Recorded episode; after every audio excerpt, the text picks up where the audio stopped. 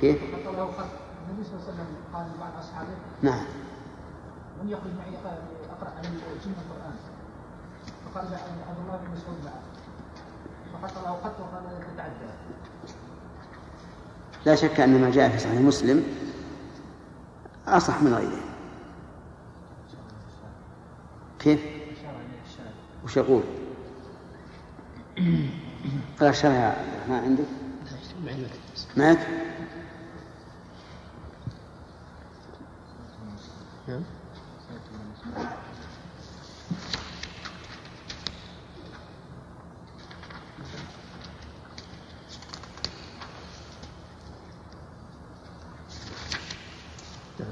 قوله سألت سألت ابن مسعود هل شهد أحد منكم مع رسول الله صلى الله عليه وسلم ليلة الجن؟ قال لا. هذا صريح في إبطال الحديث المروي في سنن أبي داود وغيره. في سنن أبي داود وغيره المذكور فيه الوضوء بالنبيذ وحضور ابن مسعود معه صلى الله عليه وسلم ليلة الجن فإن هذا الحديث صحيح وحديث النبيذ ضعيف باتفاق المحدثين.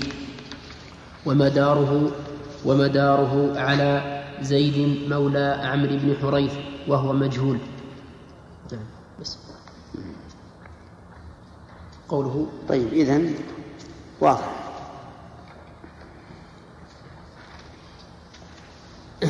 وحدثناه أبو بكر بن أبي شيبة قال حدثنا عبد الله بن أدريس عن داود عن الشعبي عن علقمة عن عبد الله عن النبي صلى الله عليه وسلم إلى قوله وآثار نيرانهم ولم يذكر ما بعده. حدثنا يحيى بن يحيى قال أخبرنا خالد بن عبد الله عن خالد عن أبي معشر عن إبراهيم عن علقمة عن عبد الله أنه قال لم أكن ليلة الجن مع رسول الله صلى الله عليه وسلم ووددت أني كنت معه.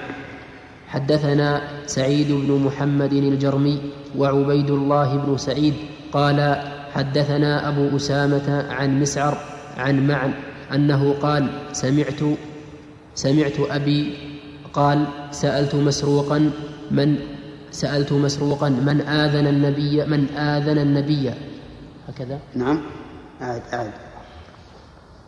عن مسعر عن معن أنه قال سمعت أبي قال سألت مسروقا من آذن؟ نعم من آذن؟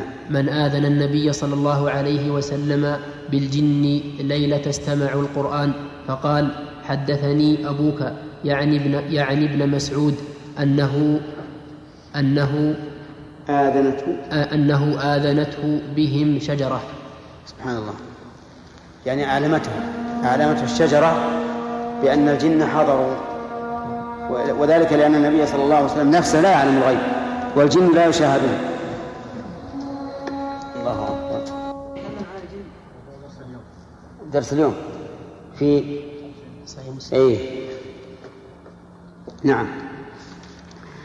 الحمد لله رب العالمين وصلى الله وسلم على نبينا محمد وعلى آله وأصحابه ومن تبعهم بإحسان إلى يوم الدين. ذكر مسلم رحمه الله في صحيحه قصة الجن الذين حضروا إلى رسول الله صلى الله عليه وعلى آله وسلم ونحن نذكر جملا من الكلام عليهم. أولا الجن هل هم سابقون على الإنس أو الإنس سابقون على الجن؟ الجواب الأول الجن سابقون على الإنس لأن أباهم إبليس وإبليس كان قبل آدم. لا شك. ثانيا هل الجن أجسام أو أو أعراض؟ والجواب الأول أنهم أجسام يأكلون ويشربون ويبولون. أما أكلهم وشربهم فمما جاء في صحيح مسلم أنهم يجدون كل عظم ذكر اسم الله عليه أوفر ما يكون لحما. وأما شربهم فإن النبي صلى الله عليه وعلى آله وسلم أخبر أن من لم يسمي الله على شرابه فإن الشيطان يشاركه فيه. وأما بولهم فلأن النبي صلى الله عليه وعلى آله وسلم أخبر أن الرجل الذي نام عن صلاة الصبح قد بال الشيطان في أذنه. وأما قيئهم و... نعم وقيئهم كذلك يقيئون فلأن النبي صلى الله عليه وعلى آله وسلم أخبر أن الذي سمى بعد أن بعد أن. أن الذي سمى في أثناء أكله قاء الشيطان ما أكله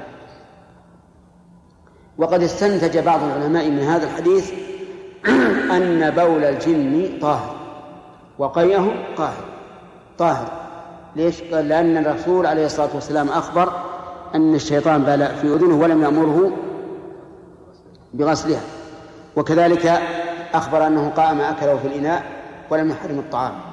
لكن هذا فيه نظر لأن أحوال الجن من الأمور الغيبية التي لا تقاس بأحوال الإنس لأن أحوال الإنس حسية وهذه خفية لا لا لا تعلم ومن ذلك أيضا هل الجن أقوى من الإنس أو الإنس أقوى؟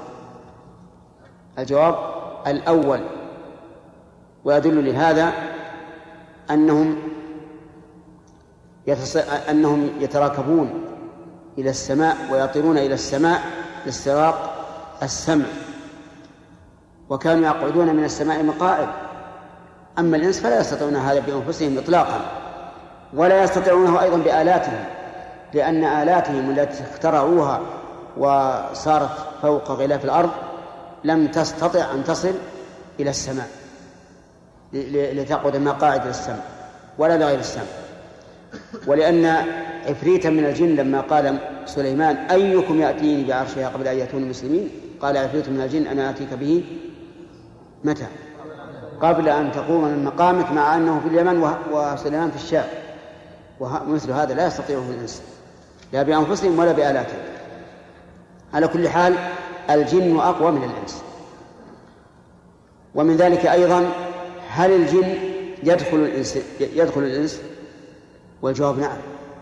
لقول النبي صلى الله عليه وسلم إن الشيطان يجري من ابن آدم مجرى الدم بالوسوسة وبالإيذاء لأنه قد يدخل فيه ويؤذيه كما هو مشاهد مجرد لقول الله تعالى الذين يأكلون الربا لا يقومون إلا كما يقوم الذي يتخبطه الشيطان من المس.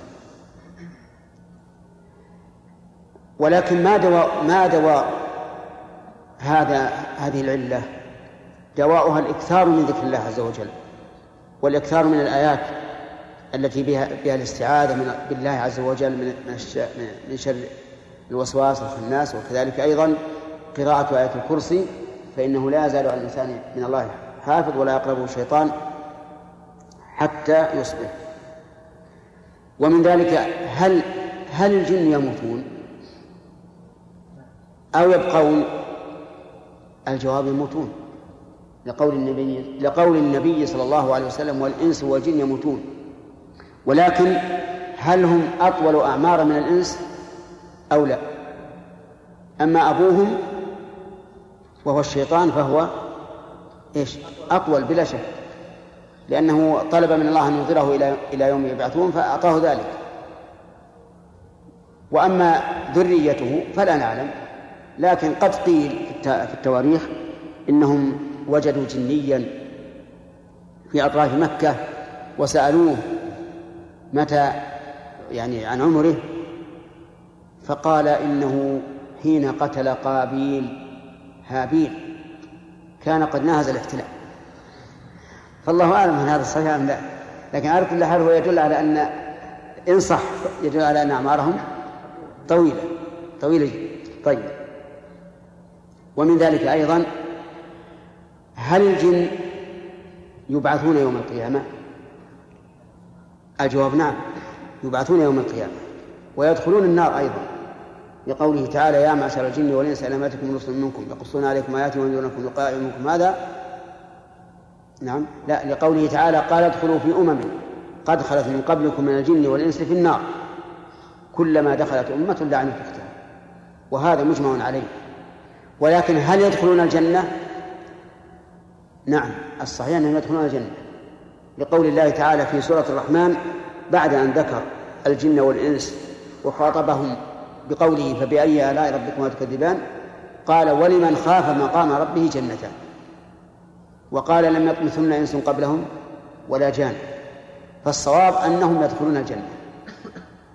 ومن ذلك هل هم يرون هل نراهم يوم القيامة أو أو هم محجوبون عنا كما في الدنيا؟ قيل إننا نراهم في الآخرة. وإنهم لا يروننا. إنه إننا نراهم في الآخرة ولا يروننا.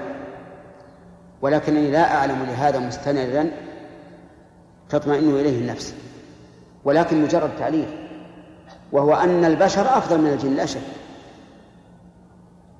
وإذا كان الله تعالى قد أعطى الجن ميزة في الدنيا أن يروا البشر ولا يراهم البشر ففي الآخرة يكون إكرام الإنس أن يروا الجن والجن وأن الجن لا يرونهم ومعلوم أن طول أمد الآخرة أكثر بكثير من من إيش؟ من أمد الدنيا. فيكون الإكرام للبشر في هذه الناحية يوم القيامة. فالله أعلم. ومن ذلك أيضا. هل الجن يمكن أن يروا؟ نعم. هل يمكن أن يروا أو هم عالم غيبي لا يمكن لا تمكن رؤيتهم. الجواب الأصل فيهم أنهم عالم غيبي لا يرون. لكن قد يرون أحيانا. يتمثلون بصورة البشر كما جاء الشيطان الذي أخذ من الطعام الذي كان أبو هريرة وكان عليه. فجاء بصورة إنسان وأنه وله عيال وذو فقر وحاجة فهم يرون لكن الأصل إيش؟ الأصل أنهم عالم غيبي كالملائكة لا يرون. والملائكة أيضا الأصل فيهم أنهم عالم غيبي ومع ذلك قد قد يرون أحيانا. وهذا من حكمة الله عز وجل. ومن ذلك أيضا هل الجن آه، لهم أعين وآناف وآذان وأيدي وأرجل وما أشبه ذلك؟ الجواب الظاهر نعم لكن من الأشياء ما هو متيقن. من الأشياء ما هو متيقن وما هنا اسم موصول ولا فيه فإن الرسول عليه الصلاة والسلام كان جالسا على طعام. فجاءت جارية كأنما تدفع دفعا لتأكل من هذا الطعام. فألقت بيدها إلى الطعام ولم تسمي. فأمرها النبي عليه الصلاة والسلام أن تسمي وأمسك بيدها وقال إن الشيطان هو الذي دفعها وإن يده ويد الجارية في يدي. هذا الحديث أو معنى؟ فدل هذا على أن على أن الجن لهم أيدي. نعم وأنها تمسك. لكنها بالنسبة لنا غيبية لا ندري. هذا ما يحضرني الآن من الكلام على الجن. أما ما ادعى العوام من أن لهم من أن لهم عيونا وأن عيونهم طويلة هكذا مشقوقة من هنا ما هي عرض؟ وأنهم ليس لهم عظام وأنهم رقيقون. فهذه كلها ليس لها أصل فيما نعلم. ليس لها أصل. نعم. أي نعم. هذا أيضا من المسائل التي تبحث. هل يتزوج الجن من الإنس والإنس من الجن؟ نقول إن الله تعالى يقول في القرآن والله جعل لكم من أنفسكم أزواجا لتسكنوا إليها وجعل بينكم مودة ورحمة. ولا يمكن أن يسكن الإنس الإنسي إلى الجنية ولا الجني إلى الإنسية. باختلاف الأصل والجنس. كما أن المشركين لما قالوا لولا أنزل إليه ملك قال الله تعالى ولو جعلناه ملكا إيش؟ لجعلناه رجلا لأنه لا تلاؤم بين البشر وبين الملائكة وكذلك بين الجن والإنس. لكن الفقهاء رحمهم الله يقولون إنه يمكن أن يعتدي الجني على على الإنسية فيجامعها. يجامعها وإذا جامعها وأحست بذلك وأنزلت وجب عليه الغسل. وكذلك بالعكس أنه قد تكون جنية مثلا عشقت أحدا من البشر فعبثت بذكره حتى جامعها أو حتى ألجأته إلى إلى الجماع وقد لا يدري قد يكون هو نائما. فيجب الغسل إن, إن أنزل هذا الذي آه، أجبرته الجنية على أن يجامعها أما عقد نكاح مشكلة ولا أدري إذا كان عقد نكاح يحتاج إلى مأذون.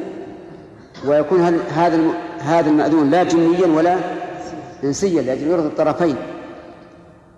أو نجعل مأذونين أحدهما جني والثاني إنسي الله أعلم. نعم. سليم المشهور من الإصابة من الإنس أن أن الرجل يصيب تحت المرأة ويكون الرجل ويكون المرأة ذكر كيف؟ ما فهمت. الإنسان اللي يصاب بالجن الغالب اللي إحنا اللي, اللي المس يعني الذي يمسه الشيطان. اللي يكون في الرجال اللي يكون في الرجال جني. أي. واللي يكون في الجنية والله مو على كل حال. هذا نسمعه كثيرا ممن يمسه الشيطان أو الجن. اللي يتكلم ذكر وهو ذكر وأنثى مع أنثى. لكن مسألة النكاح. النكاح لابد يكون ذكر وأنثى. نعم.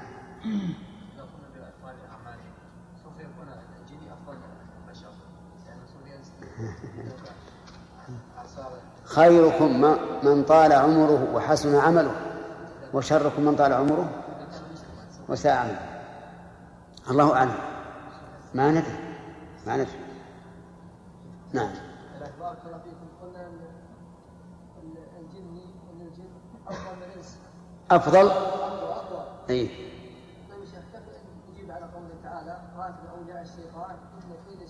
كيد الكيد لكن القوة البدنية أقوى نعم نعم إيش؟ إيش؟ قصة عمر رضي الله عنه حينما صنع الجن صنعه بالسور من؟ صرع عمر؟ لا عمر صنعه صرعه تصارع كذا باليد أسألك عندما تصارع أقول مصارعة هكذا باليد؟ عجيب. ما أعرف هذه القصة. في زيادة شيء؟ ثلاث أسئلة فقط. خمسة. ها؟ إيش؟ ما في شك. الرسول عليه الصلاة والسلام مرسل إلى الإج- الإنس والجن. ها؟ لا الصحيح لا. الصحيح أن منهم نذرا. انتهى. ها؟ بس ما ودنا نروح على الدرس. ما تقول ناخذ أسئلة ولا؟ آه. طيب.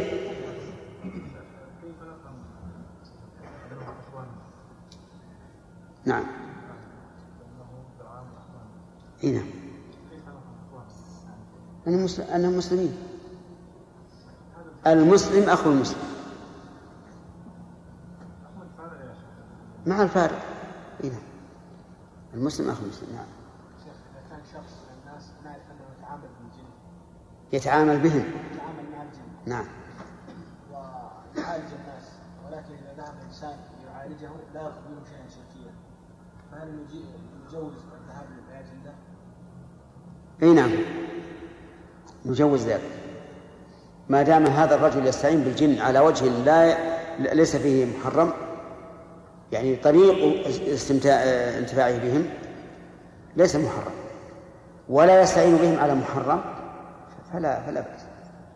أما إذا كان الطريق محرما بحيث لا يستعين لا لا لا يقبل الجن إعانته إلا بشرك أو بفعل فاحشة به أو ما أشبه ذلك هذا لا يجوز.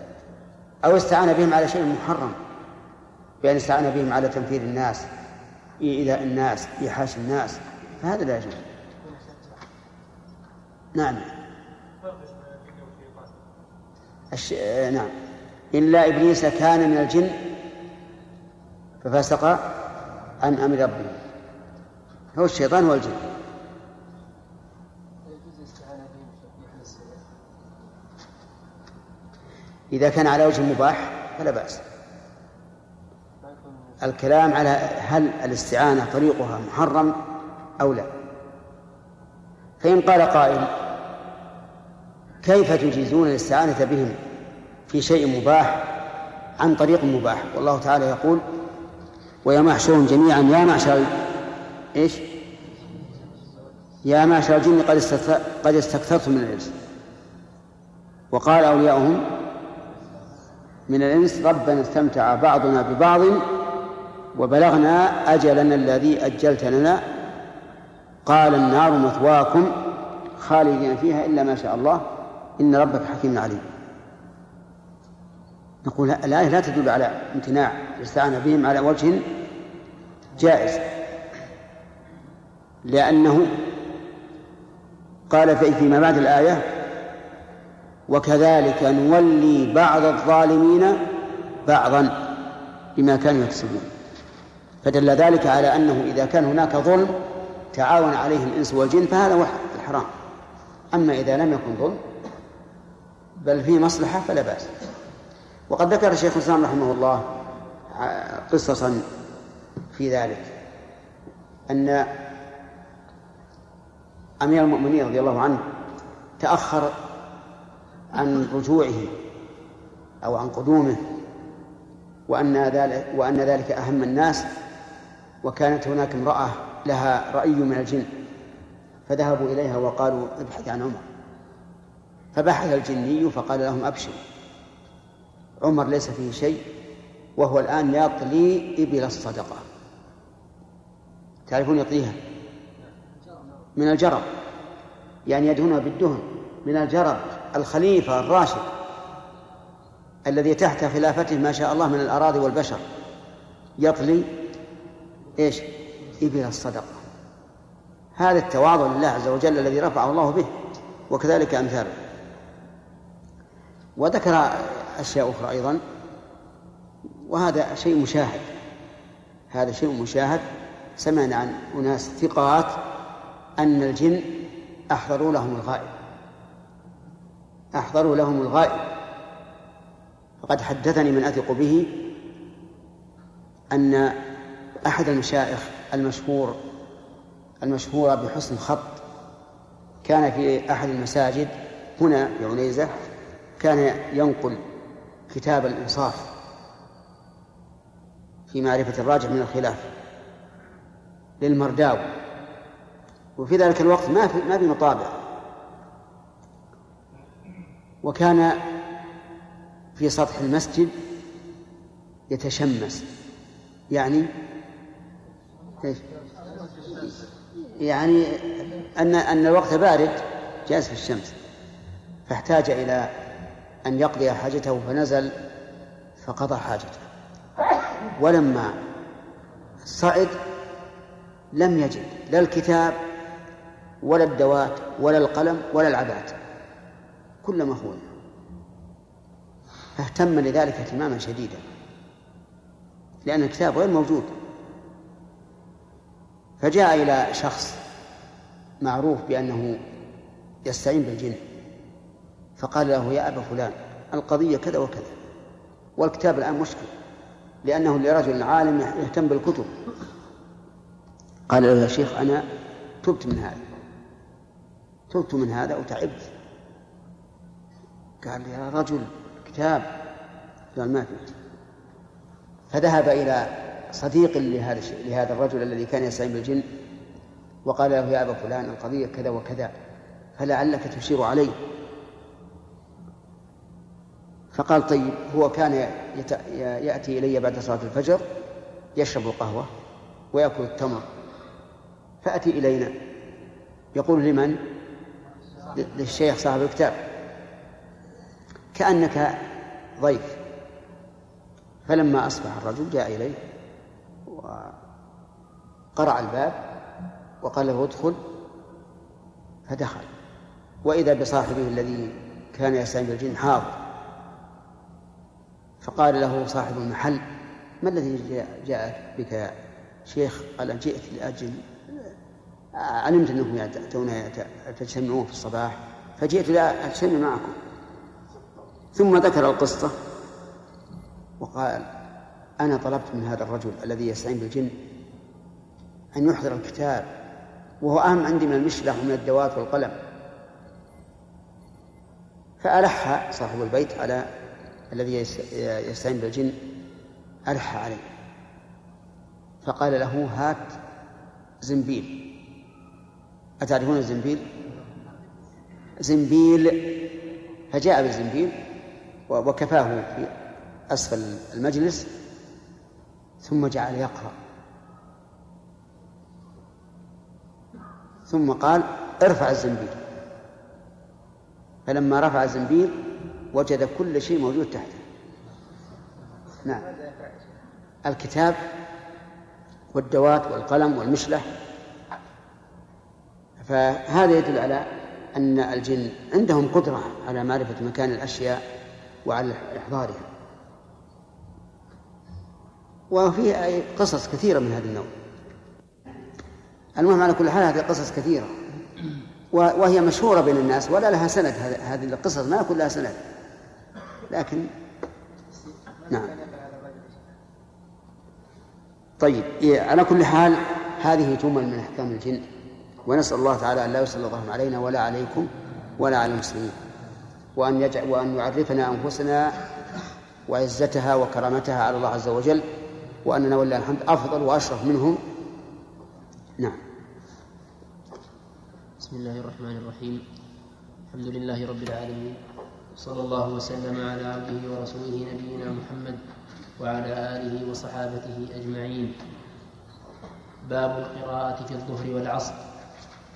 قال الإمام مسلم رحمه الله تعالى في كتاب الصلاة من صحيحه وحدثنا محمد بن المثنى العنزي قال حدثنا ابن أبي عدي عن الحجاج يعني الصواف عن يحيى وهو ابن أبي كثير عن عبد الله بن أبي قتادة وأبي سلمة عن أبي قتادة أنه قال كان رسول الله صلى الله عليه وسلم يصلي بنا فيقرأ في الظهر والعصر في الركعتين الأوليين بفاتحة الكتاب وسورتين ويسمعنا الآية أحيانا وكان يطول الركعة الأولى من الظهر ويقصر الثانية وكذلك في الصبح.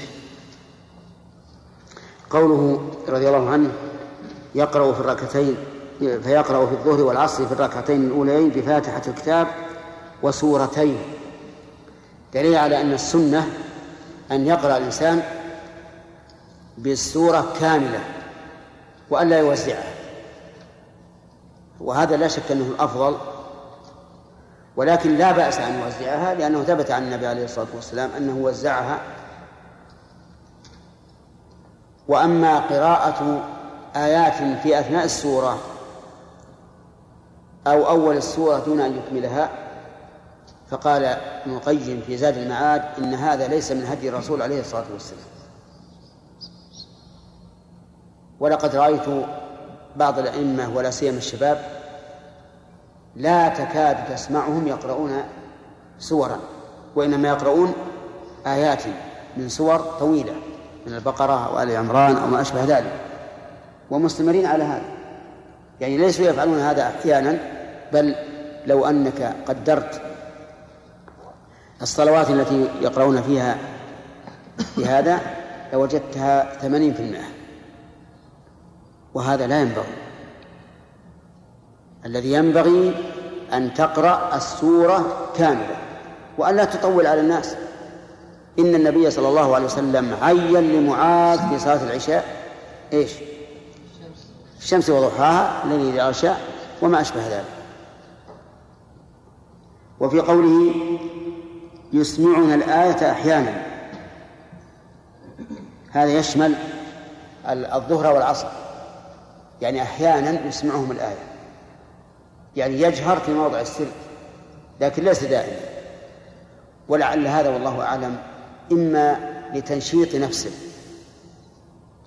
وإما لتنشيط من وراءه وإما لإعلامهم أنه يقرأ. وليس صامتا.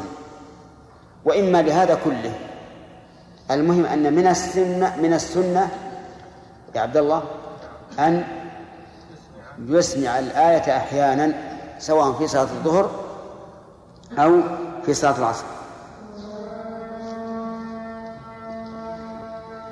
هذا جلال الدين.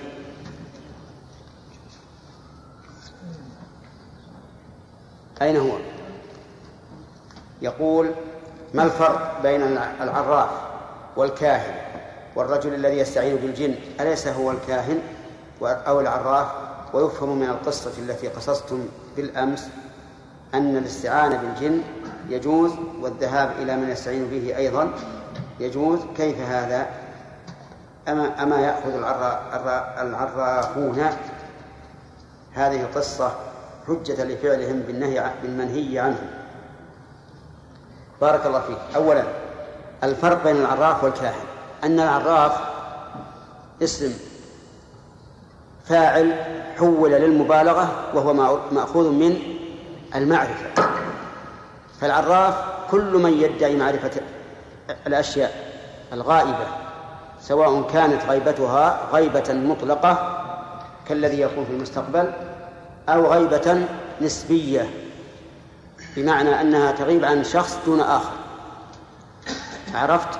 وعلى هذا فيدخل فيه يدخل في العراف الكاهن والمنجم والرمال ومن يستعين بالجن وغيره. وأما الكاهن فهو الذي يخبر عن المغيبات في المستقبل. يقول سيأتي كذا سيأتي كذا.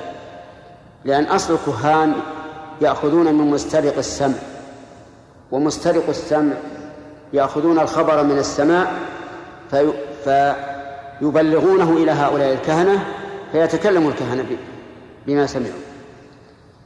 إذن كل كاهن عراف وليس كل عراف كاهنا. طيب آه الرجل الذي يستعين بالجن كالذي يستعين بالإنس؟ ولا فرق. لو استعان الإنسان برجل من الإنس لكان جائزا إذا كان على شيء مباح وبطريق مباح.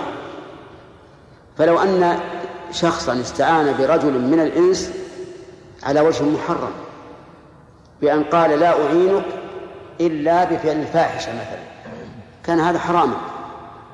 ولو استعان به على السرقة من أموال الناس من أموال الناس لكان هذا أيضا حراما.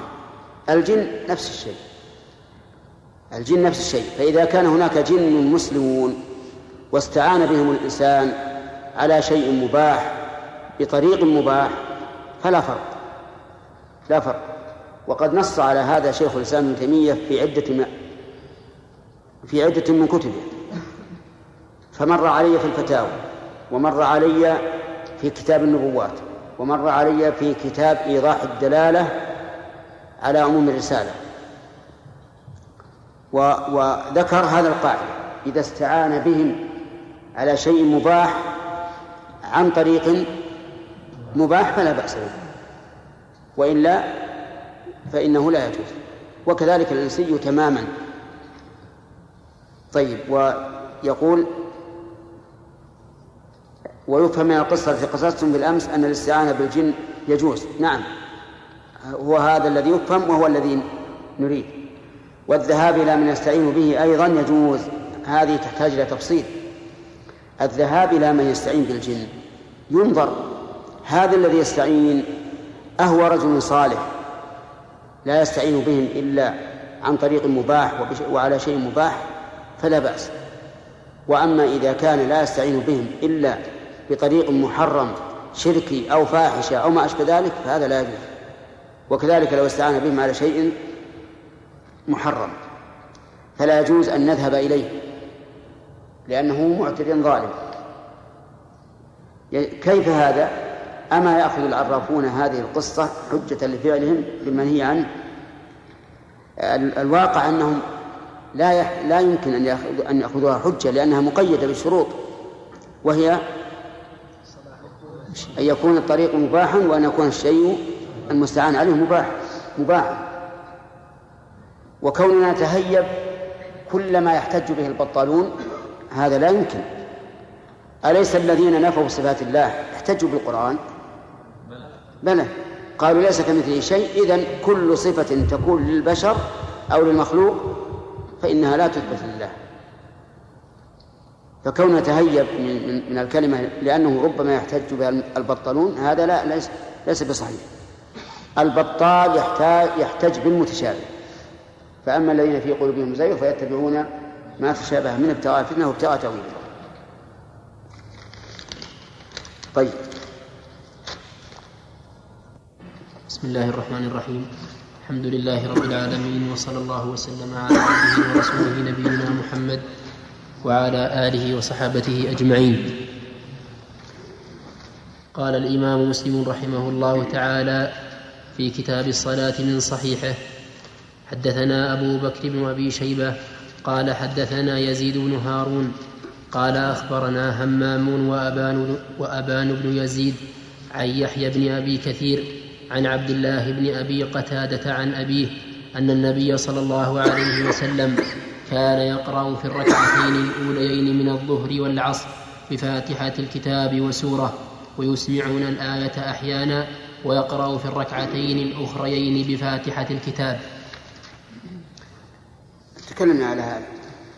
حدثنا يحيى, حدثنا يحيى بن يحيى وأبو بكر بن أبي شيبة جميعا عن هشيم قال جميعا عن هشيم قال يحيى أخبرنا هشيم عن منصور عن الوليد بن مسلم عن أبي الصديق عن أبي سعيد الخدري قال كنا نح كنا قيام رسول الله صلى الله عليه وسلم في الظهر والعصر فحزرنا قيامه في الركعتين الأوليين من الظهر قدر قراءة ألف لام ميم تنزيل السجدة وحزرنا قيامه في الأخريين قدر النصف من ذلك وحزرنا قيامه في الركعتين الأوليين من العصر على قدر قيامه في الأخريين من الظهر وفي الأخريين من العصر على النصف من ذلك.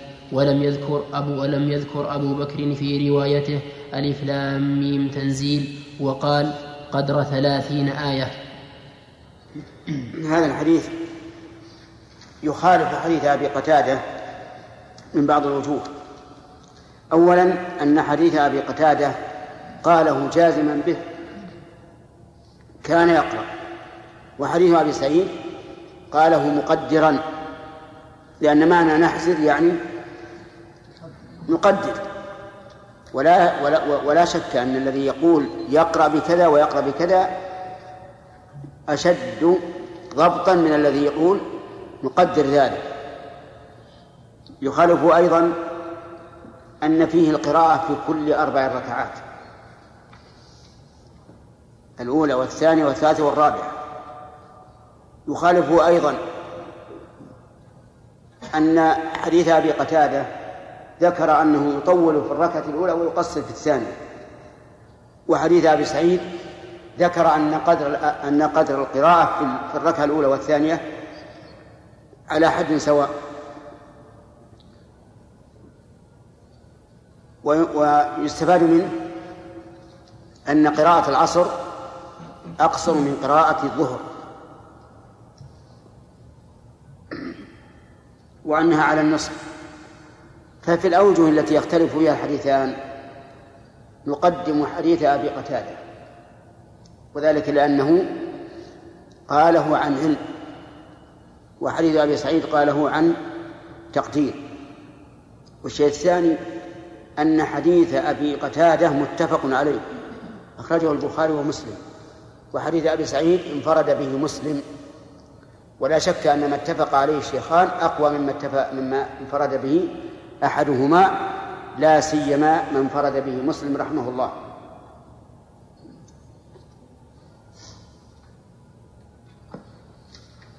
حدثنا حدثنا شيبان بن فروخ قال حدثنا أبو عوانة عن منصور عن الوليد عن الولي عن الوليد أبي بشر عن أبي الصديق الناجي عن أبي سعيد الخدري أن النبي صلى الله عليه وسلم كان يقرأ في صلاة الظهر في الركعتين الأوليين في كل ركعة قدر ثلاثين آية وفي الأخريين قدر وفي الأخريين قدر خمس عشرة آية أو قال أو قال نصف ذلك.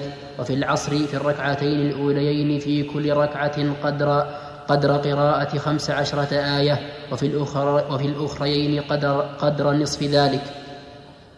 حدثنا, حدثنا يحيى بن يحيى قال أخبرنا هشيم عن عبد الملك بن عمير عن جابر بن سمرة أن أهل الكوفة أن أهل الكوفة شكوا سعدا إلى عمر, إلى عمر بن الخطاب فذكروا من صلاته فأرسل إليه عمر فأرسل إليه عمر فقدم عليه فذكر له ما عابوه ما عابوه به من أمر الصلاة فقال إني لأصلي بهم صلاة رسول الله صلى الله عليه وسلم. ما أخرم عنها إني إن إني لأركض, إن إني لأركض بهم في الأوليين وأحذف في الأخريين. فقال ذاك الظن بك أبا إسحاق. حدثنا قتيبة بن سعيد وإسحاق بن إبراهيم عن جرير عن عبد الملك بن عمير بهذا الإسناد. هذا يشبه من بعض الوجوه. حديث من؟ انتبه. أبي سعيد. حديث أبي سعيد. لا أركض بهم في الأولين يعني أطول وأعتف في الأخرين يعني أقصر.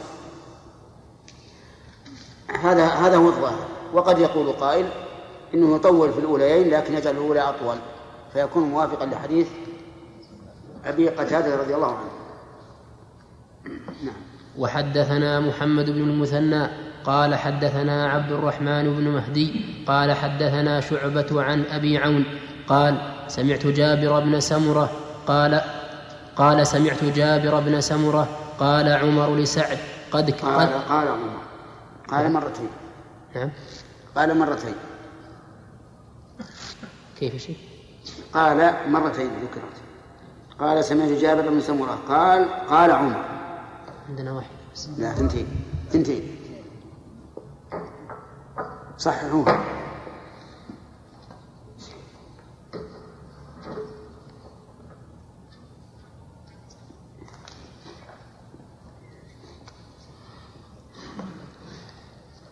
قال سمعت جابر بن سمرة قال قال عمر لسعد قد شكوك في كل شيء حتى في الصلاة.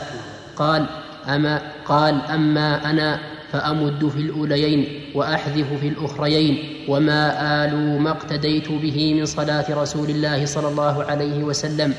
فقال ذاك الظن ذاك الظن بك أو ذاك ظني بك. وحدثنا أبو كريب. ما آلوا يعني ما أقصر.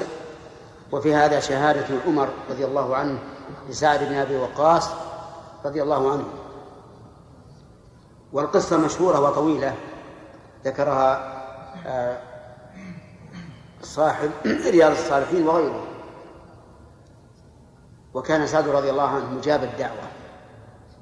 يعني إذا دعا على أحد بحق أو دعا له فإنه فإن الله تعالى يجيب دعوته وهذا من مناقبه رضي الله عنه.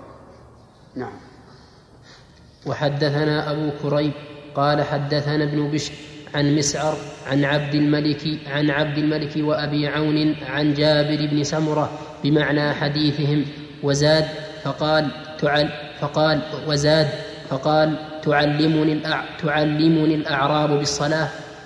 حدثنا داود بن رشد. الجملة خبرية ومعنى الاستفهام المعنى أتعلمني.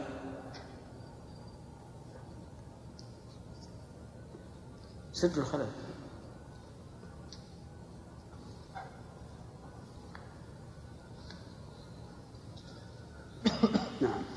حدثنا داود بن رشيد قال حدثنا الوليد يعني ابن مسلم عن سعيد وهو عن سعيد وهو ابن عبد العزيز عن عطية بن قيس عن قزعة عن أبي سعيد الخدري قال لقد كانت قال لقد كانت صلاة الظهر تقام فيذهب الذاهب إلى البقيع فيقضي حاجته ثم يتوضأ ثم يأتي ورسول الله صلى الله عليه وسلم في الركعة الأولى مما يطولها. البقيع هو مدفن أهل المدينة والمراد بقوله البقيع ليس المراد المقبرة لأن المقبرة لا تقضى فيها الحاجة ولكن المراد إلى ناحية البقيع. نعم. نعم من داود. ثم سمع فجلبت رجال ثم سمع إيش؟ جلبت ناس جايين نعم. نعم. وهو في الركعة الآخرة يعني في الركوع. هل يجوز له أن يطول بعض الشيء حتى تكون أطول من قبلها؟ أي نعم. لأن هذا التطويل عارض كما أن التخفيف يكون عارضا. يعني لو أحس بداخل فإنه لا بأس أن يطول إلا أن العلماء قالوا ما لم يشق على من معه. فإن شق على من معه فليس له ذلك لأن من معه أحق بالمراعاة ممن قدم. نعم يوسف. ما يتناسب عملهم حقيقة سعيد وأبو سعيد هل يحمل ما يروون عن الرسول صلى الله عليه وسلم على ان عمل الرسول صلى الله عليه وسلم يعني هو الأفضل وأنه يعني لا يجب أن اي هو لا, هو لا شك أنه لا يجب. بل لو اقتصر الإنسان على الفاتحة وهو غير إمام لكفاه ذلك. أما الإمام يجب عليه أن يلاحظ السنة. الإمام يجب أن يلاحظ السنة في ذلك. والسنة بينت في مواضع أخرى أن ثلاث صلوات يقرأ فيها بأوساط مفصل وهي الظهر والعصر والعشاء وأن المغرب يقصر فيها الصلاة وأن الفجر تطول فيها الصلاة. لكن هذا في بعض الأحيان كان الرسول عليه الصلاة والسلام يطيل يطيل ليبين الجواز لو لو استدل مستدل بحديث ابي قتاده وكان يسمعون الايه أحيانا على ان الماموم كذلك يسمع الذين بجواره الايه في بعض الاحيان لو استدل بذلك لقلنا هذا استدلال غير صحيح. الأصل الاقتداء على الوصف الذي جاء وهذا وصف للإمام. لم يرد في السنة أن المأمومين يرفعون أصواتهم. وحدثني محمد بن حاتم قال حدثنا عبد الرحمن بن م...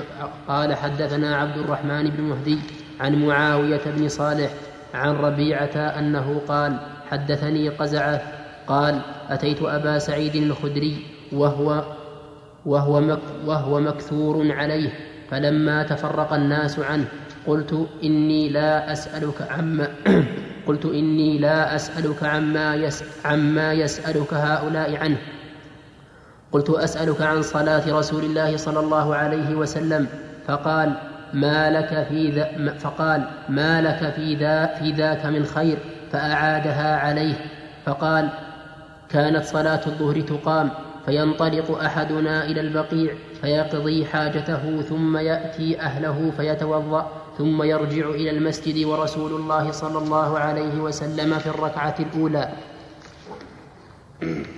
هذا كالأول لكن قوله ما لك في ذاك من خير. كيف يقول هذا؟ والرجل سأله عن صلاة النبي صلى الله عليه وسلم. كأنه أراد أنني لو أخبرتك فلم تعمل بذلك صار هذا الخبر يا عبد الله؟ نعم. صار حجة عليك ولم يكن لك فيه خير. هذا مراد. وإلا لا شك أن العلم بصفة صلاة النبي صلى الله عليه وسلم خير. باب القراءة في الصبح. وحدثنا هارون وحدثنا هارون بن عبد الله قال حدثنا حجاج بن محمد عن ابن جريج عن ابن جريج حاء قال وحدثني محمد بن رافع وتقاربا في اللفظ قال حدثنا عبد الرزاق قال أخبرنا ابن قال أخبرنا ابن جريج قال سمعت محمد بن عباد محمد قال سمعت محمد بن عباد بن جعفر يقول يقول أخبرني أبو سلمة يقول أخبرني أبو سلمة بن سفيان وعبد الله بن عمرو بن العاص وعبد الله بن المسيب العابدي عن عبد الله بن السائب أنه قال صلى صلى لنا صلى لنا صلى لنا النبي صلى الله عليه وسلم الصبح بمكة فاستفتح سورة المؤمنين حتى جاء حتى جاء ذكر موسى وهارون أو ذكر عيسى محمد بن عباد يشك أو اختلفوا عليه. أخذت النبي صلى الله عليه وسلم سعلة فركع. أخذت النبي أخذت النبي صلى الله عليه وسلم سعلة فركع. وعبد الله بن السائب حاضر ذلك. وفي حديث عبد الرزاق فحذف فركع. وفي حديث وفي حديثه وعبد الله بن عمرو ولم يقل ابن العاص ولم يقل ابن العاص. هذا فيه دليل على أن الرسول صلى الله عليه وعلى آله وسلم يطيل الصلاة يطيل القراءة في صلاة الصبح. لأن سورة المؤمنين طويلة وفيه دليل على أنه إذا عرض للإنسان عارض وكان من نيته أن يطيل القراءة فلا بأس أن يقطعه. مثل أن أن تصيبه سعلة أو يصيبه مغص أو يصيبه ريح أو يغلط. ويرتج عليه وما أشبه ذلك.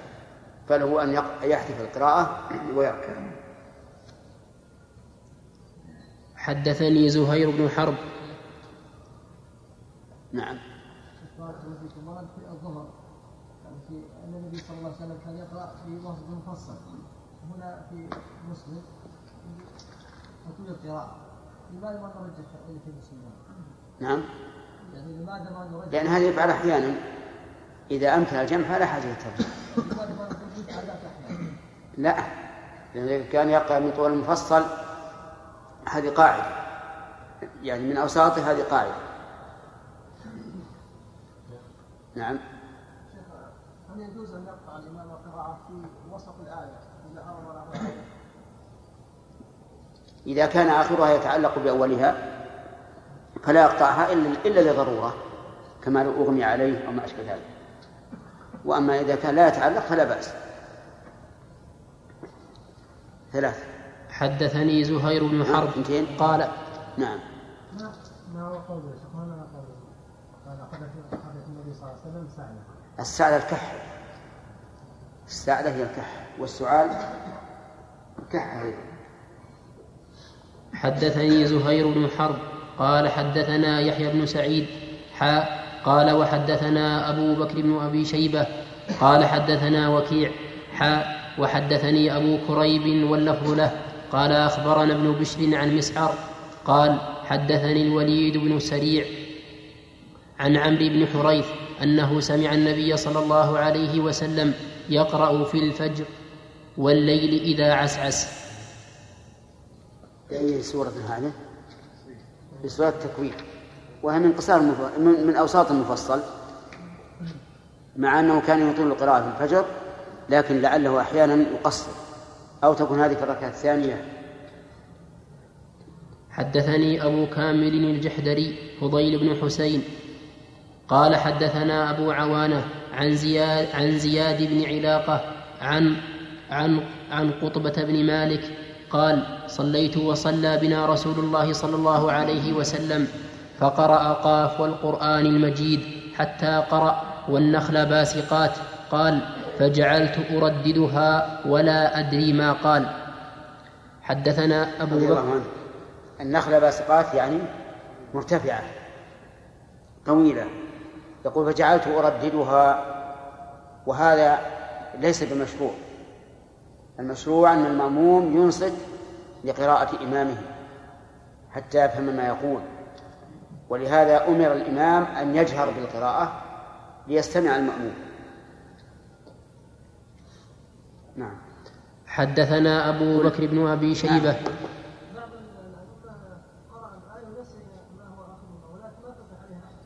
تقول يركع يركع. نعم يركع ما في بأس. ولا يصح أن يقول الآية إيش؟ ولا يصح أن يقول الآية أن إيش؟ أي لا بأس. ولو تعداها لا بأس لأنه عن غير عمد شيخ هنا الصحابي رضي الله عنه قال فجعلت أرددها. الصحابي الذي يقول نعم. طيب لو كان مكروها أو محرما يعني كما نذكر أن الله يعلم ذلك ولو كان محرما لأعلمه من النبي عليه الصلاة والسلام. وقد أعلمه. قال إذا قرأ فأنصتوا وقال لا تفعلوا إلا بأم القرآن فإنه لا صلاة من القرآن.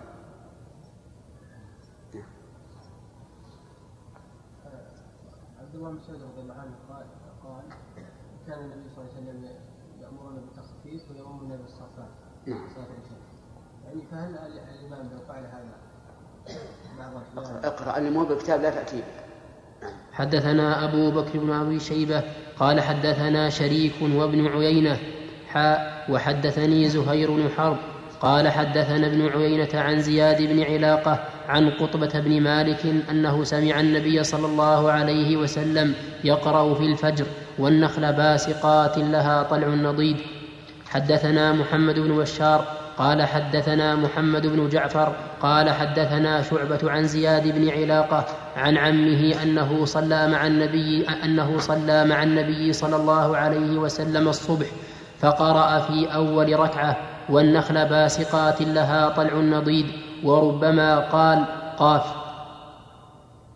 حدثنا أبو بكر وحدثنا أبو بكر بن أبي شيبة قال حدثنا حسين بن علي عن زائدة قال حدثنا سماك بن حرب عن جابر بن سمرة أنه قال إن النبي صلى الله عليه وسلم كان يقرأ في الفجر بقاف والقرآن المجيد وكان صلاته بعد تخفيفا. وحدثنا أبو بكر وحدثنا أبو بكر قوله كان صلاته بعد بعد تخفيفا يعني بعد هذا التطويل تعد تخفيفا. ويحتمل أن المعنى وكان صلاته بعد تخفيفا أي بعد ذلك صار يخفف لأنه تقول عليه الصلاة والسلام. ويحتمل معنى ثالثا أنه وكان صلاته بعد أي بعد الفجر. تخفيفا يعني أخف من الفجر وكل هذا صحيح. كل هذا صحيح. فإنه حتى وإن قرأ بقاف فليس فليست طويلة بالنسبة للفجر لأنه يسن فيها التطويل نعم. وحدثنا أبو بكر بن أبو وحدثنا أبو بكر بن أبي شيبة ومحمد بن رافع واللفظ لابن رافع قال حدثنا يحيى بن آدم قال حدثنا زهير عن سماك أنه قال سمعت جابر بن سمرة عن أنه قال سألت جابر بن سمرة عن صلاة النبي صلى الله عليه وسلم فقال كان يخفف الصلاة ولا يصلي صلاة هؤلاء. قال وأنبأني أن رسول الله صلى الله عليه وسلم كان يقرأ في الفجر بقاف والقرآن ونحوها. وقول لا يصلي صلاة هؤلاء لأنهم كانوا يقصرون لا يطيلون القراءة فأنكر عليهم بأن هذا خلاف هدي النبي صلى الله عليه وعلى آله وسلم. وحدثنا محمد بن المثنى قال حدثنا عبد الرحمن بن هدي قال حدثنا شعبة عن سماك عن جابر بن سمرة أنه قال كان النبي صلى الله عليه وسلم يقرأ في الظهر يقرأ في الظهر بالليل إذ بالليل إذ يغشى. كان نعم, نعم. بالليل إذا يغشى وفي العصر نحو ذلك وفي الصبح أطول من ذلك. نعم وحد نعم.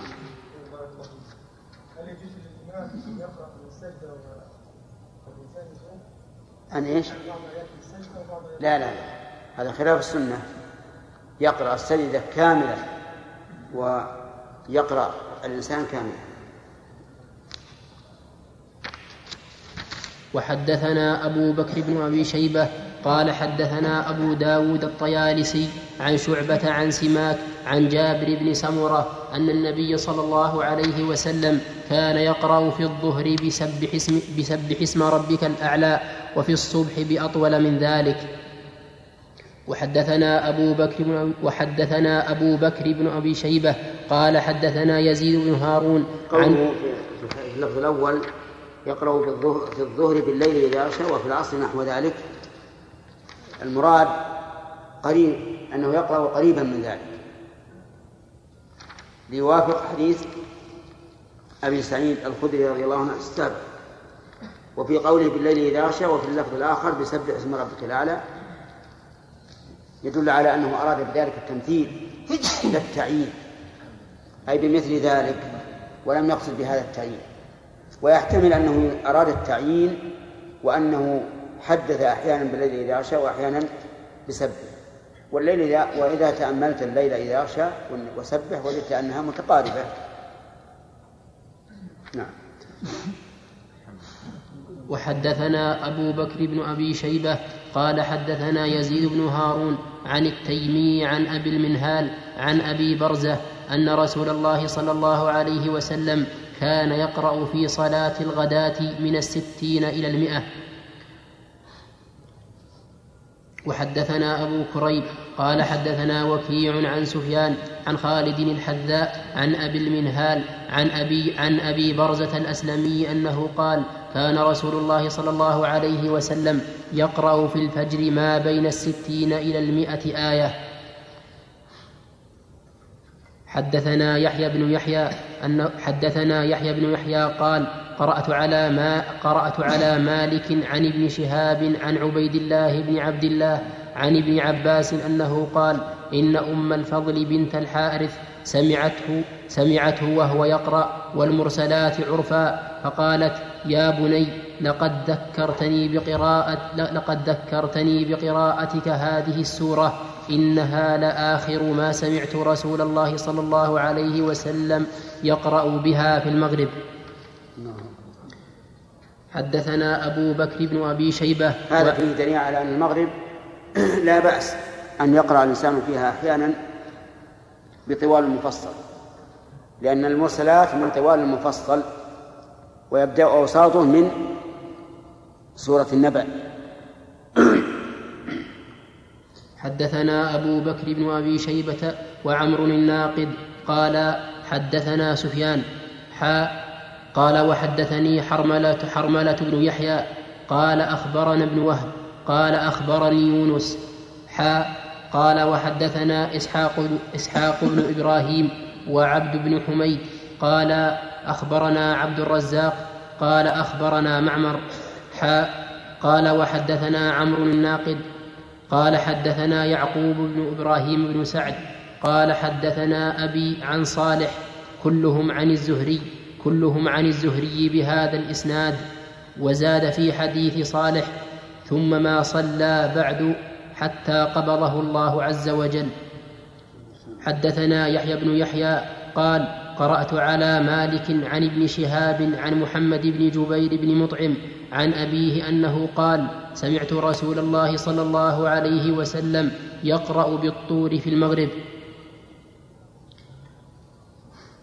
حدثنا أبو بكر بن أبي شيبة وزهير بن حرب قال حدثنا سفيان قال وحدثني حرملة بن يحيى قال أخبرنا ابن وهب قال أخبرني يونس حاء قال وحدثنا إسحاق بن إبراهيم وعبد بن حميد قال أخبرنا عبد الرزاق قال أخبرنا معمر كلهم عن الزهري بهذا الإسناد مثله. هذا أيضا ينبغي الانسان أن يقرأ في المغرب أحيانا بالطور وهي من طوال المفصل وهي أطول من المرسلات فينبغي للإنسان أن يقرأ بها أحيانا. نعم وفي هذا الحديث والذي قبله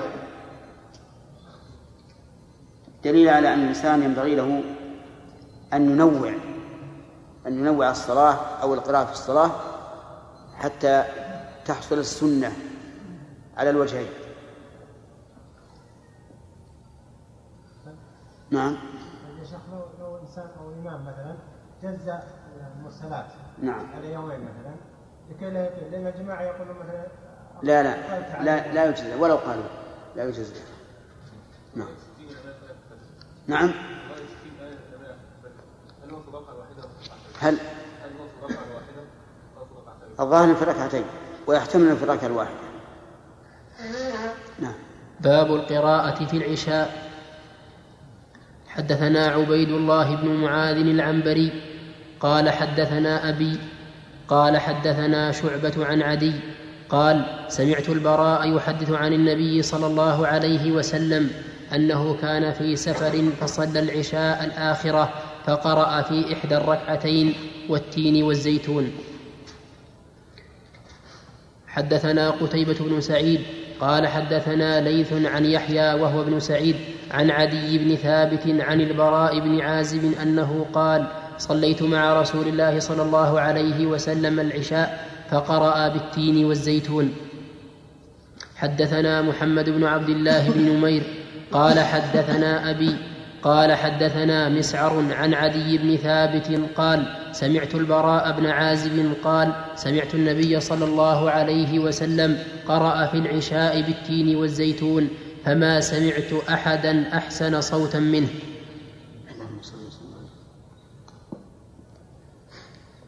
حدثنا محمد بن عباد قال حدثنا سفيان عن عمرو عن جابر قال كان معاذ يصلي مع النبي صلى الله عليه وسلم ثم يأتي فيؤم قومه فصلى ليلة مع النبي صلى الله عليه وسلم صلى الله عليه وسلم العشاء ثم أتى قومه فأمهم فافتتح بسورة البقرة فانحرف رجل فسلم ثم صلى وحده وانصرف فقالوا له أنافقت يا فلان؟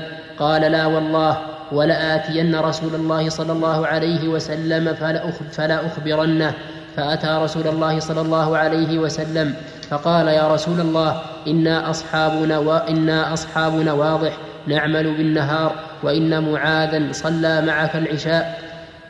ثم أتى فافتتح بسورة البقرة فأقبل رسول الله صلى الله عليه وسلم على معاذ فقال يا معاذ أفتان أنت؟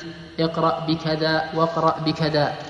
قال سفيان فقلت لعمرو إن أبا الزبير حدثنا عن جابر أنه قال اقرأ والشمس وضحاها والضحى والليل إذا يغشى وسبح اسم ربك الأعلى.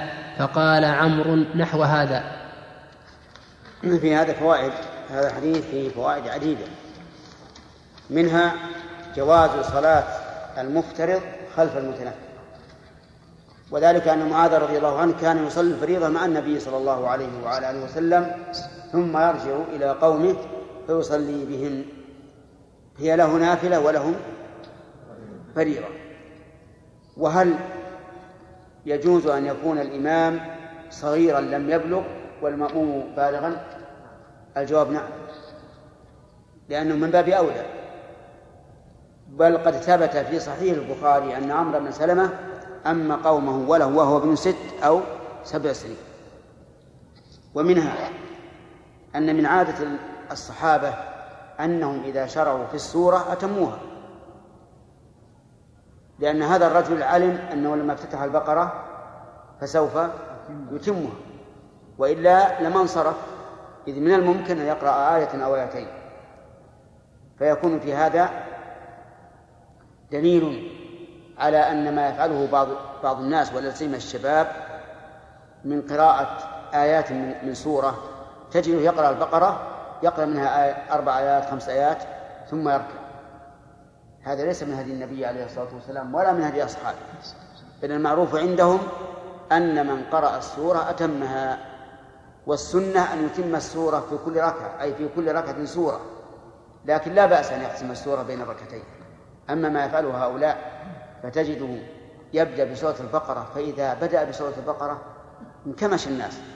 وش بيقرأ هذا؟ وش بيقرأ بنا؟ سورة البقرة جزوين ونصف تقريبا.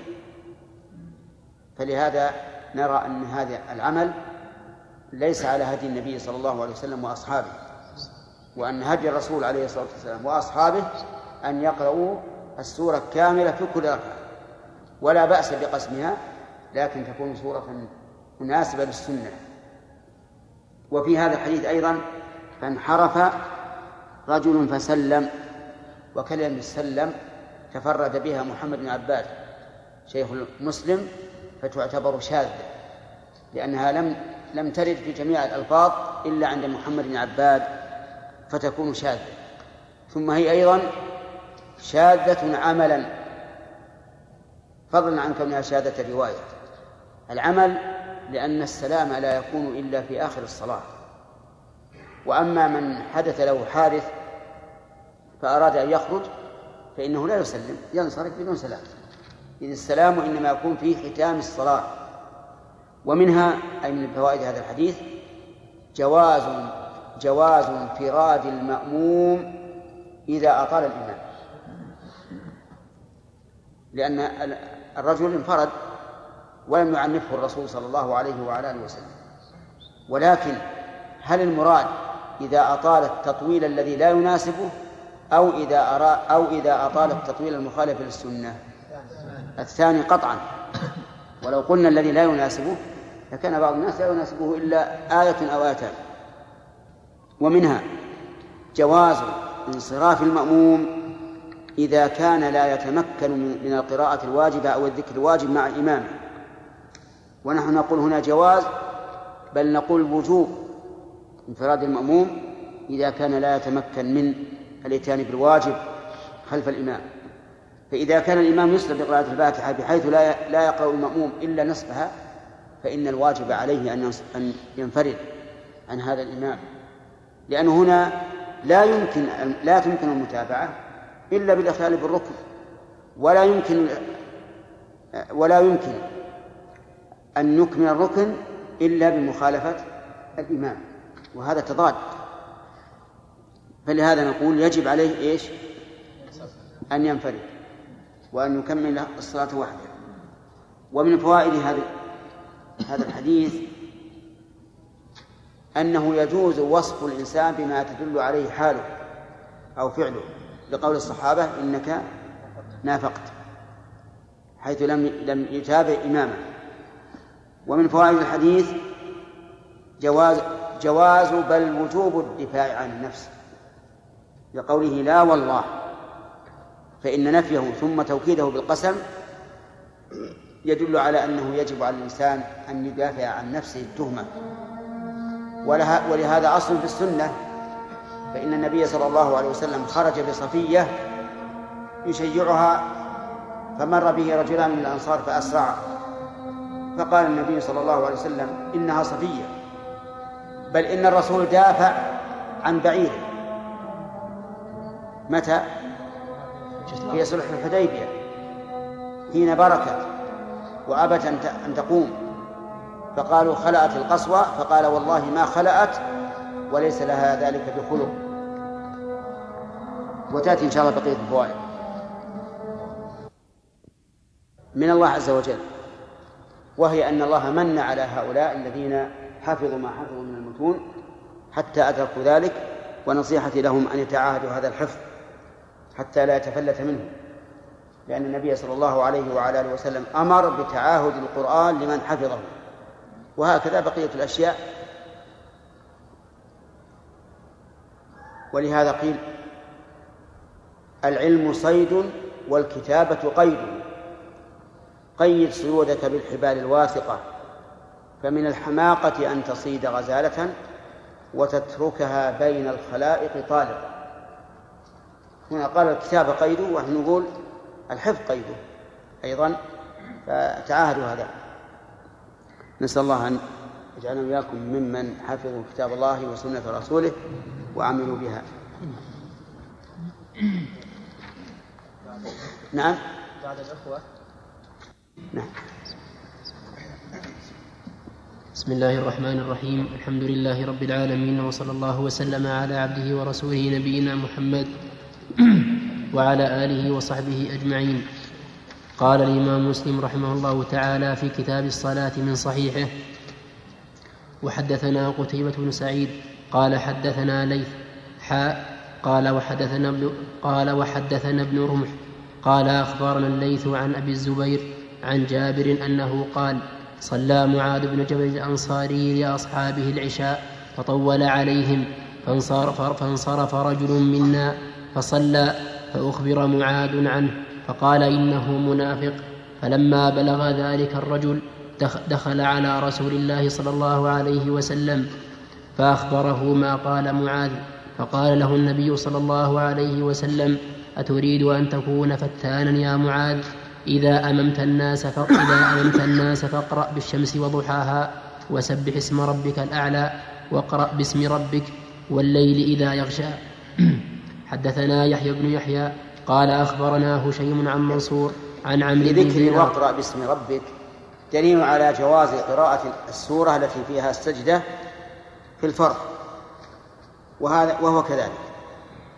وقد ثبت عن النبي صلى الله عليه وعلى آله وسلم أنه كان يقرأ في صلاة العشاء بإذا السماء انشقت ويسجد فيها. نعم.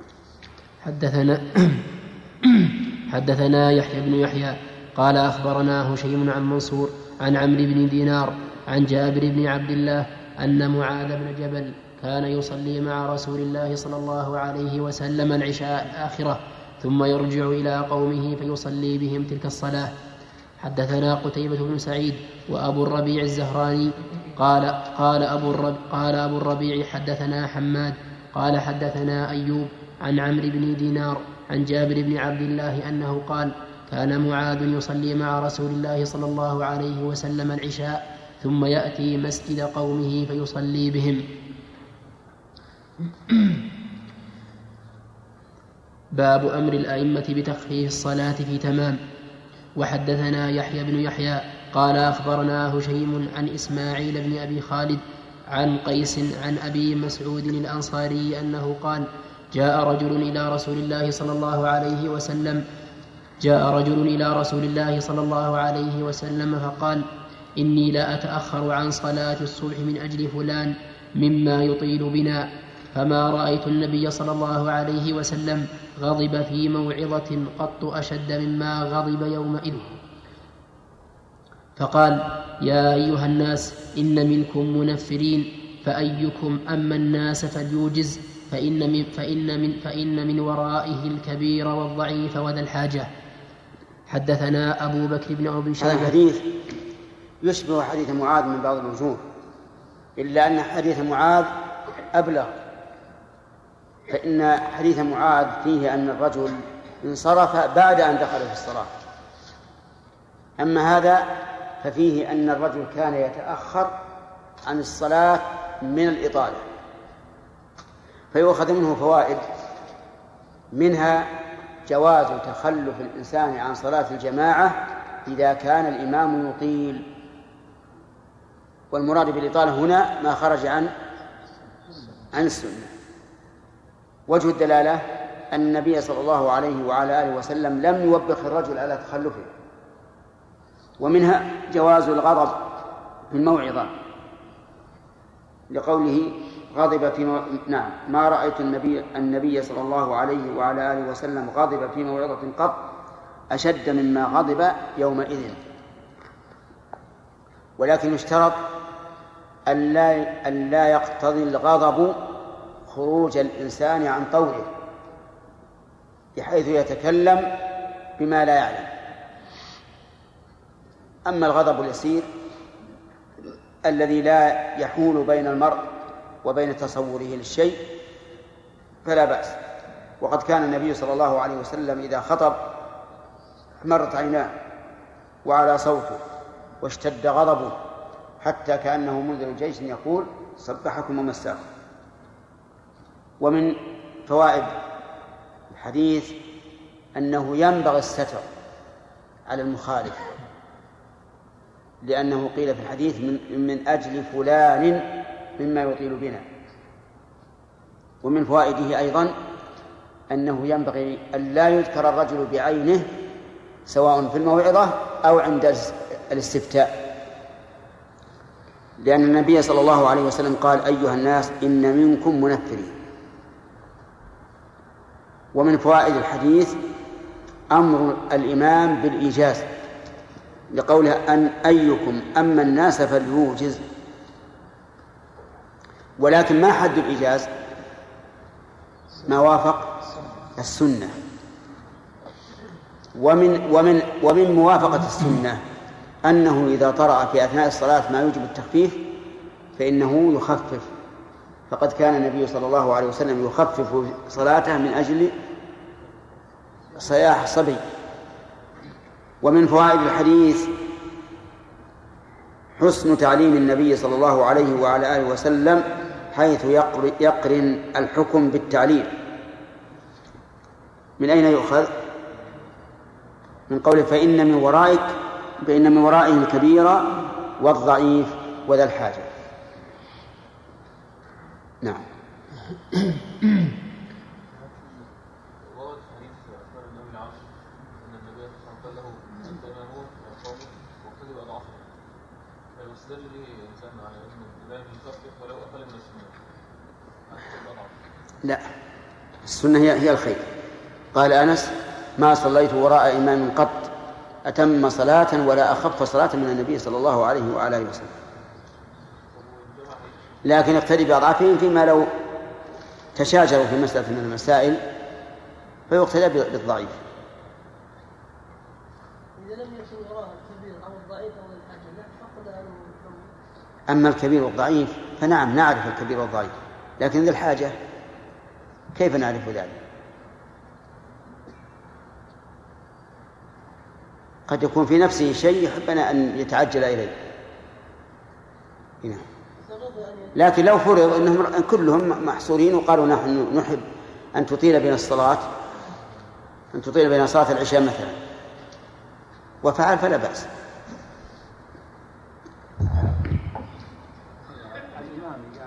الإمام صورة إيش؟ بعض الأئمة يديمون على صورة معينة دائما في الصلوات في بعض الصلوات. بعض ما يصلون في في صلاة المغرب. يختارون دائما بين سورة إنا أنزلنا وقل هو الله أحد. طوال السنوات. سبحان الله. كل يوم؟ إيه كل يوم. يقرأ في المغرب إنا أنزلناه في ليلة القدر. إيه. وقل هو الله أحد. هل ينكر على هذا؟ ينكر لأن هذا ربما يظن الظان أنها أنه اتخذها سنة. نعم. حدثنا أبو بكر بن أبي شيبة قال حدثنا هشيم ووكيع. حاء قال وحدثنا ابن نمير. قال حدثنا أبي. حاء وحدثنا ابن أبي عمر. قال حدثنا سفيان. كلهم عن إسماعيل كلهم عن إسماعيل في هذا الإسناد بمثل حديث هشيم. وحدثنا قتيبة بن سعيد. قال حدثنا المغيرة وهو ابن عبد الرحمن الحزامي عن أبي الزناد عن الأعرج عن أبي هريرة أن النبي صلى الله عليه وسلم قال إذا أم أحدكم الناس فليخفف فإن فيهم الصغير والكبير والضعيف والمريض فإذا صلى وحده فليصلي كيف شاء. كيف؟ فإذا صلى وحده فليصلي كيف شاء. صلي. ما فيها يا ما في نعم دنيا ها؟ دنيا. إيه. فليصلي. لكنك أنت قلت الياء. فإذا صلى وحده فليصلي كيف شاء. نعم. حدثنا حدث في هذا الحديث فوائد منها ما سبق ومنها أن الصغار يصلون مع الناس. يقول فإن منكم فإن فيهم الصغير وهذا هو هو الواقع. أن الصغار يصلون مع الناس ويقتدون بالإمام. ومن فوائده جواز تطويل الإنسان الصلاة على ما جاءت به السنة. بقوله فليطول فليصلي كيف شاء. لكن بشرط ألا يكون هذا رغبة عن السنة بحيث يشعر أن السنة قليلة وأن هذا التطويل أفضل منها. ولهذا لو سألنا سائل أيما أفضل أن أطول أو أن آتي بالسنة. قلنا بالثاني قلنا بالثاني. لكن النبي عليه الصلاة والسلام رخص لك أن تطول ما شئت ما دمت, ما دمت تصلي وحدك. نعم. حد نعم. حدثنا ابن رافع قال حدثنا عبد الرزاق قال حدثنا معمر عن همام بن منبه أنه قال هذا ما حدثنا أبو هريرة عن محمد رسول الله صلى الله عليه وسلم فذكر أحاديث منها وقال رسول فذكر أحاديث منها وقال رسول الله صلى الله عليه وسلم إذا ما إذا ما إذا ما قام أحدكم للناس فليخفف الصلاة فإن فيهم الكبير وفيهم الضعيف وإذا قام وحده فلي وإذا قام وحده فليطل صلاته ما شاء إذا ما قام أحدكم كيف يستقيم الكلام مع ما النافية؟ آدم ما زائد ما زائدة؟ ما هي علامة الزائدة؟ ها؟ علامة ما الزائدة؟ أنك لو أنك لو حذفتها لاستقام لاستقام الكلام. ولما عشرة مع عشرة معاني. أنشدنا إياها. ستفهم شرط الوصل. ستفهم شرط الوصل. فاعجب فاعجب لنكرها فاعجب لنكرها بكف ونفي من تعظيم مصدره صحيح. يقول محامل ما عشر إذا رمت عدها فحافظ على بيت سليم من الشعر. ستفهم شرط الوصل فاعجب لنكرها بكف ونفي زيد تعظيم مصدره وعبد الله يمشينا البيتين.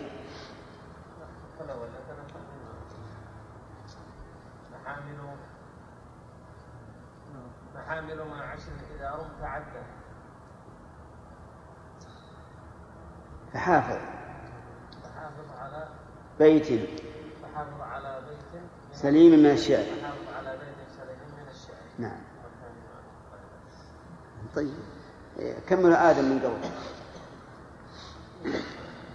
نعم. لا احفظ احفظ احفظ لأنه جيد زين. يفيد. وحدثنا حرملة بن يحيى قال أخبرنا ابن وهب قال أخبرني يونس عن ابن شهاب قال أخبرنا أبو سلمة بن عبد الرحمن أنه سمع أبا هريرة يقول قال رسول الله صلى الله عليه وسلم إذا صلى أحدكم للناس فليخفف فإن في الناس الضعيف والسقيم وذا الحاجة. وحدثنا عبد الملك بن شعيب بن قول الليث السقيم يعني؟ يعني المريض نعم. وحدثنا عبد الملك بن شعيب بن الليث. قال حدثني أبي قال حدثني الليث بن سعد قال حدثني يونس عن ابن شهاب قال حدثني أبو بكر بن عبد الرحمن أنه سمع أبا هريرة يقول قال رسول الله صلى الله عليه وسلم بمثله غير أنه قال بدل السقيم الكبير. حدثنا محمد بن عبد الله بن نمير قال حدثنا أبي قال حدثنا عمرو بن عثمان قال حدثنا موسى بن طلحة قال حدثني عثمان بن أبي العاص الثقفي أن النبي صلى الله عليه وسلم قال له أم قومك. قال قلت يا رسول الله إني أجد في نفسي شيئا. قال ادنه فجلس بين يديه ثم وضع كفه في صدري ثم وضع كف ثم وضع كفه في صدري بين ثديي ثم قال تحول فوضعها في ظهري بين كتفي.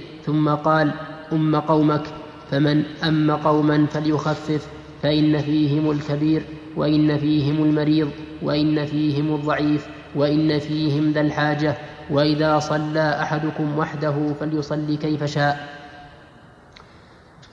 هذا أيضا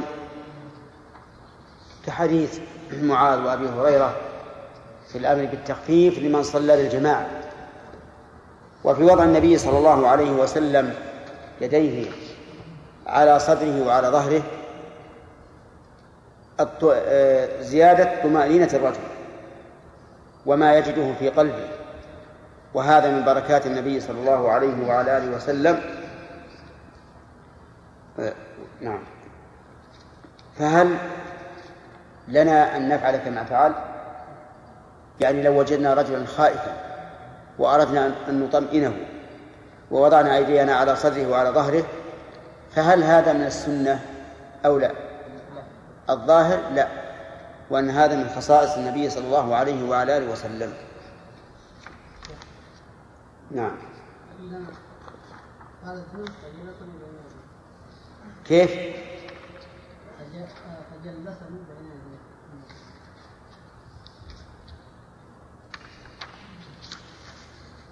ماذا تقول؟ يقول عندنا خلاف النسخة الذي قرأه كيف؟ وش اللي عندك؟ قال جلوس فجلسني بين يديه. ثم وضع كفه.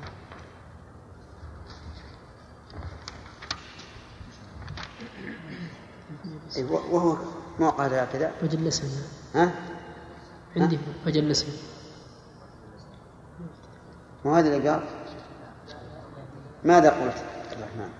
والله ما أدري يا شيخ أنا مكتوب عندي فجلسني لا. أيوه لذلك قلت أجلسني نعم.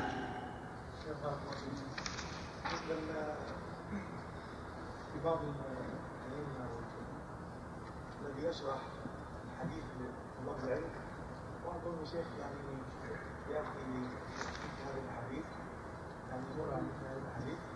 فإذا رأى مثلا قال النبي صلى الله عليه وسلم على لحيته أو أشار النبي صلى الله عليه وسلم فهو يشير أو يقبل. ما فهمت؟ الشيخ الذي يشرح نعم. الواعظ عندما يشرح حديث لطلاب العلم. فإذا مر بحديث خبر النبي صلى الله عليه وسلم مكتوب يعني خبر النبي صلى الله عليه وسلم عن لحيته وبكر.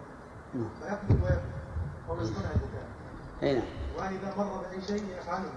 ويستدل يقول يعني الذي ينكر عليه يستدل هذا يسمونه يسمونه التسلسل. التسلسل بالأفعال. وهذا معروف عند المحدثين ولا إنكار فيه. لا إنكار فيه. نعم.